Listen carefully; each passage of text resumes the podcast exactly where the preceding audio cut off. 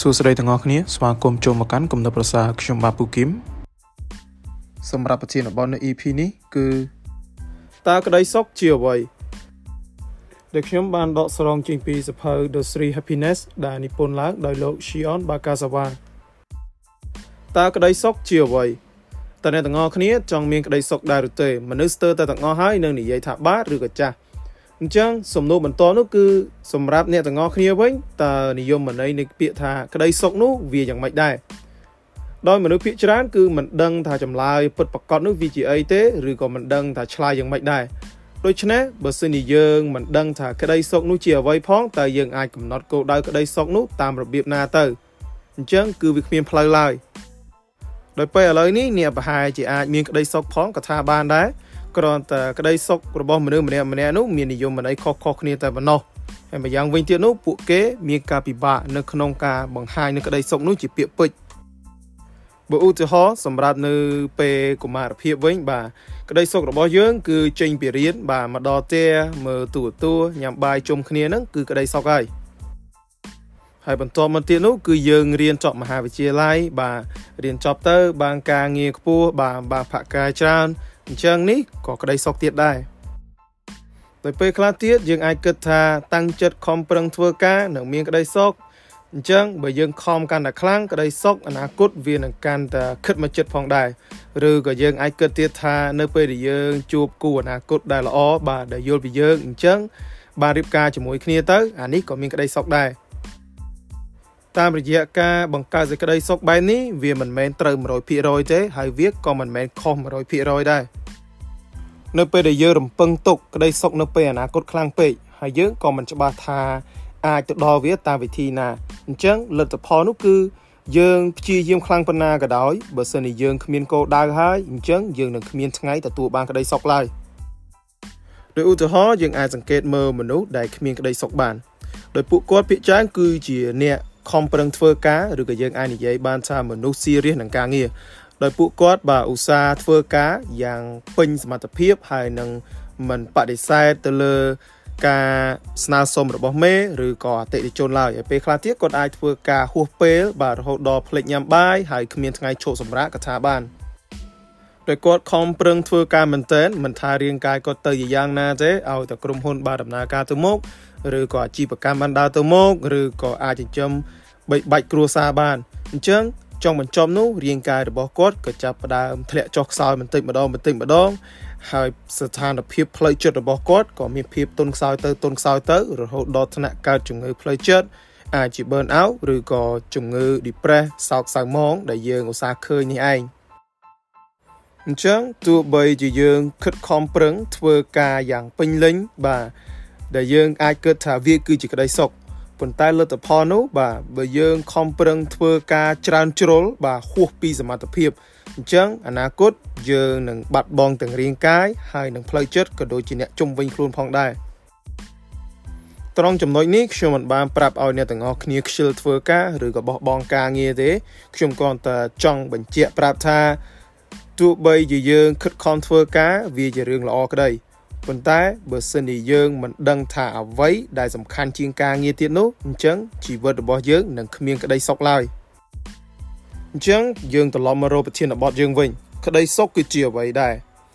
ដោយមានការបកកែកគ្នាបាទតាំងពី2000ឆ្នាំមុនមកម្លេះមិនថាអ្នកប្រាជ្ញអ្នកដែលមានកតិបណ្ឌិតឬក៏បុគ្គលចេះដឹងអីទេ រហូតសូម្បីតែសពថ្ងៃនេះក៏នៅតែបកកែកគ្នាឬប្រធានបទនេះដែរ គ្រាន់តែសម័យថ្មីនេះយើងអាចមានឧបករណ៍ក៏ដូចជាការវិសោធន៍ផ្សេងផ្សេងដែលយើងអាចទទួលយកព័ត៌មានមកប្រើប្រាស់បានហើយអ្នកដែលចាប់អារម្មណ៍ខ្លាំងជាងគេនោះគឺសហរដ្ឋអាមេរិកតែម្ដងដោយប្រហែលឆ្នាំក្រោយនេះបាទពួកគេបានធ្វើការពិសោធន៍បាទតាក់ទងទៅនឹងប្រធានបទដែលថាក្តីសុខគឺជាអ្វីហើយយើងធ្វើម៉េចបានបានវាមកហើយមិនថាយើងអាចទទួលបានព័ត៌មានឬក៏បានទិន្នន័យច្រើនប៉ុណ្ណាទេសរុបមកវិញយើងក៏មិនដឹងថា ក្តីសុខវាជាអ្វីឲ្យពិតប្រកប100%ដែរ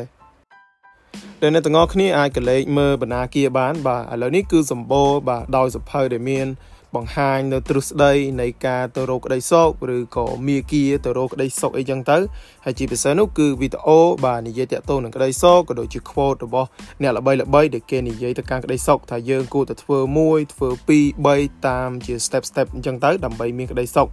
ហើយនៅពេលខ្លះយើងអាចអនុវត្តឲ្យបានផលហើយពេលខ្លះទៀតអ្នកខ្លះអនុវត្តទៅក៏វាមិនបានផលសរុបមកវិញគឺវាគ្មានអ្វី100%ទេប៉ុន្តែយ៉ាងណាក្តីបាទអ្នកដែលនិពន្ធសភៅនេះគឺលោក Shion Bakasawa ដែលគាត់គឺជាពេទ្យចិត្តសាស្ត្រហើយនឹងជាអ្នកជំនាញខាង neuroscience ឬក៏យើងអាចនិយាយថាអ្នកវិទ្យាសាស្ត្រជំនាញខាងសរសៃប្រសាទបាទគាត់បានរកឃើញចម្លើយនៃថាក្តីសុខគឺជាអ្វីដែលគាត់បានសរសេរថា អ្វីដែលគាត់បានបង្ហាញនេះវាមិនមែនជាទ្រឹស្ដីទេប៉ុន្តែវាគឺចេញពីការពិសោធន៍ហើយនឹងអាចយកមកប្រាស់ប្រាស់បានពិតប្រាកដហើយប្រភពនោះគឺចេញពីការពិសោធន៍ដែលមានផុសតាងខាងសរសៃប្រសាទហើយនិងខាងចិត្តប្រសាទដោយសារតែកាលពីមុននោះគាត់ក៏មានចម្ងល់ដែរថាតើក្តីសុខនោះជាអ្វីដែរហើយគាត់ក៏សង្ស័យទៀតថានៅពេលដែលពួកយើងកំពុងតែមានក្តីសុខនេះអញ្ចឹងខួរក្បាលរបស់យើងវាមានប្រតិកម្មអីខ្លះ បើយើងនិយាយឲ្យកាន់តែច្បាស់ទៀតនោះគឺតើខួរក្បាលរបស់យើងមានសារធាតុឬក៏ជាតិអ្វីខ្លះដែរនៅពេលដែលយើងកំពុងតែមានក្តីសុខដូច្នេះហើយទើបគាត់បានធ្វើការពិសោធន៍ហើយក៏ឃើញដែរថានៅពេលដែលយើងមានក្តីសុខនោះបាទខួរក្បាលរបស់យើងបានបញ្ចេញសារធាតុជាច្រើនរាប់រយប្រភេទដែរណោះដូចជា dopamine, serotonin, oxytocin, endorphin, adrenaline ឬក៏កាបាហើយនឹងសារជាតិផ្សេងផ្សេងទៀតជាច្រើនមុខដែលរៀបរាប់មិនអស់ហើយគាត់ក៏បានធ្វើការសិក្សាស្រាវជ្រាវលម្អិតបន្ថែមទៀតរហូតដល់គាត់បានចាប់អារម្មណ៍ឃើញថាសារជាតិដែលចេញពីខួរក្បាលនោះគឺវាមានច្រើនមែនទែនប៉ុន្តែយ៉ាងណាក្តីគាត់បានចាប់អារម្មណ៍លើសារជាតិ3ខ្លាំងជាងគេ ដែលវាមានដូចជា serotonin, oxytocin ហើយនិង dopamine តែនេះមិនមែនមានន័យថាសារធាតុផ្សេងវាអត់ប្រយោជន៍ទេបាទគ្រាន់តែសារធាតុទាំង3នេះគឺវាលេចធ្លោហើយយើងបញ្ចេញវាសឹងតែរៀងរាល់ថ្ងៃទៅហើយគ្រាន់តែសារធាតុទាំង3នេះត្រូវបានពិភពលោកទទួលស្គាល់ថាវាគឺជាសារធាតុនៃក្តីសុខឬក៏យើងនិយាយមួយទៀតថាហូម៉ូននៃក្តីសុខនឹងឯងដូច្នេះយើងនឹងទទួលបានចម្លើយសម្រាប់សំណួរដែលគេតែងតែនិយាយថាសេចក្តីសុខនេះគឺជាអ្វីដែរដែលចម្លើយនោះ ក្តីសុខគឺជាសារធាតុដែលចេញពីខួរក្បាលហើយបើសិនជាយើង ដឹងអំពីលក្ខខណ្ឌស្ថានភាព ប្រតិកម្មហើយនឹងទង្វើ ដែលធ្វើឲ្យ serotonin oxytocin ហើយនិង dopamine នោះវាបញ្ចេញមកចេញពីខួរក្បាលហើយអញ្ចឹងយើងនឹងអាចរកសេចក្តីសុខបានហើយដោយ EP នេះខ្ញុំសូមនិយាយតែពី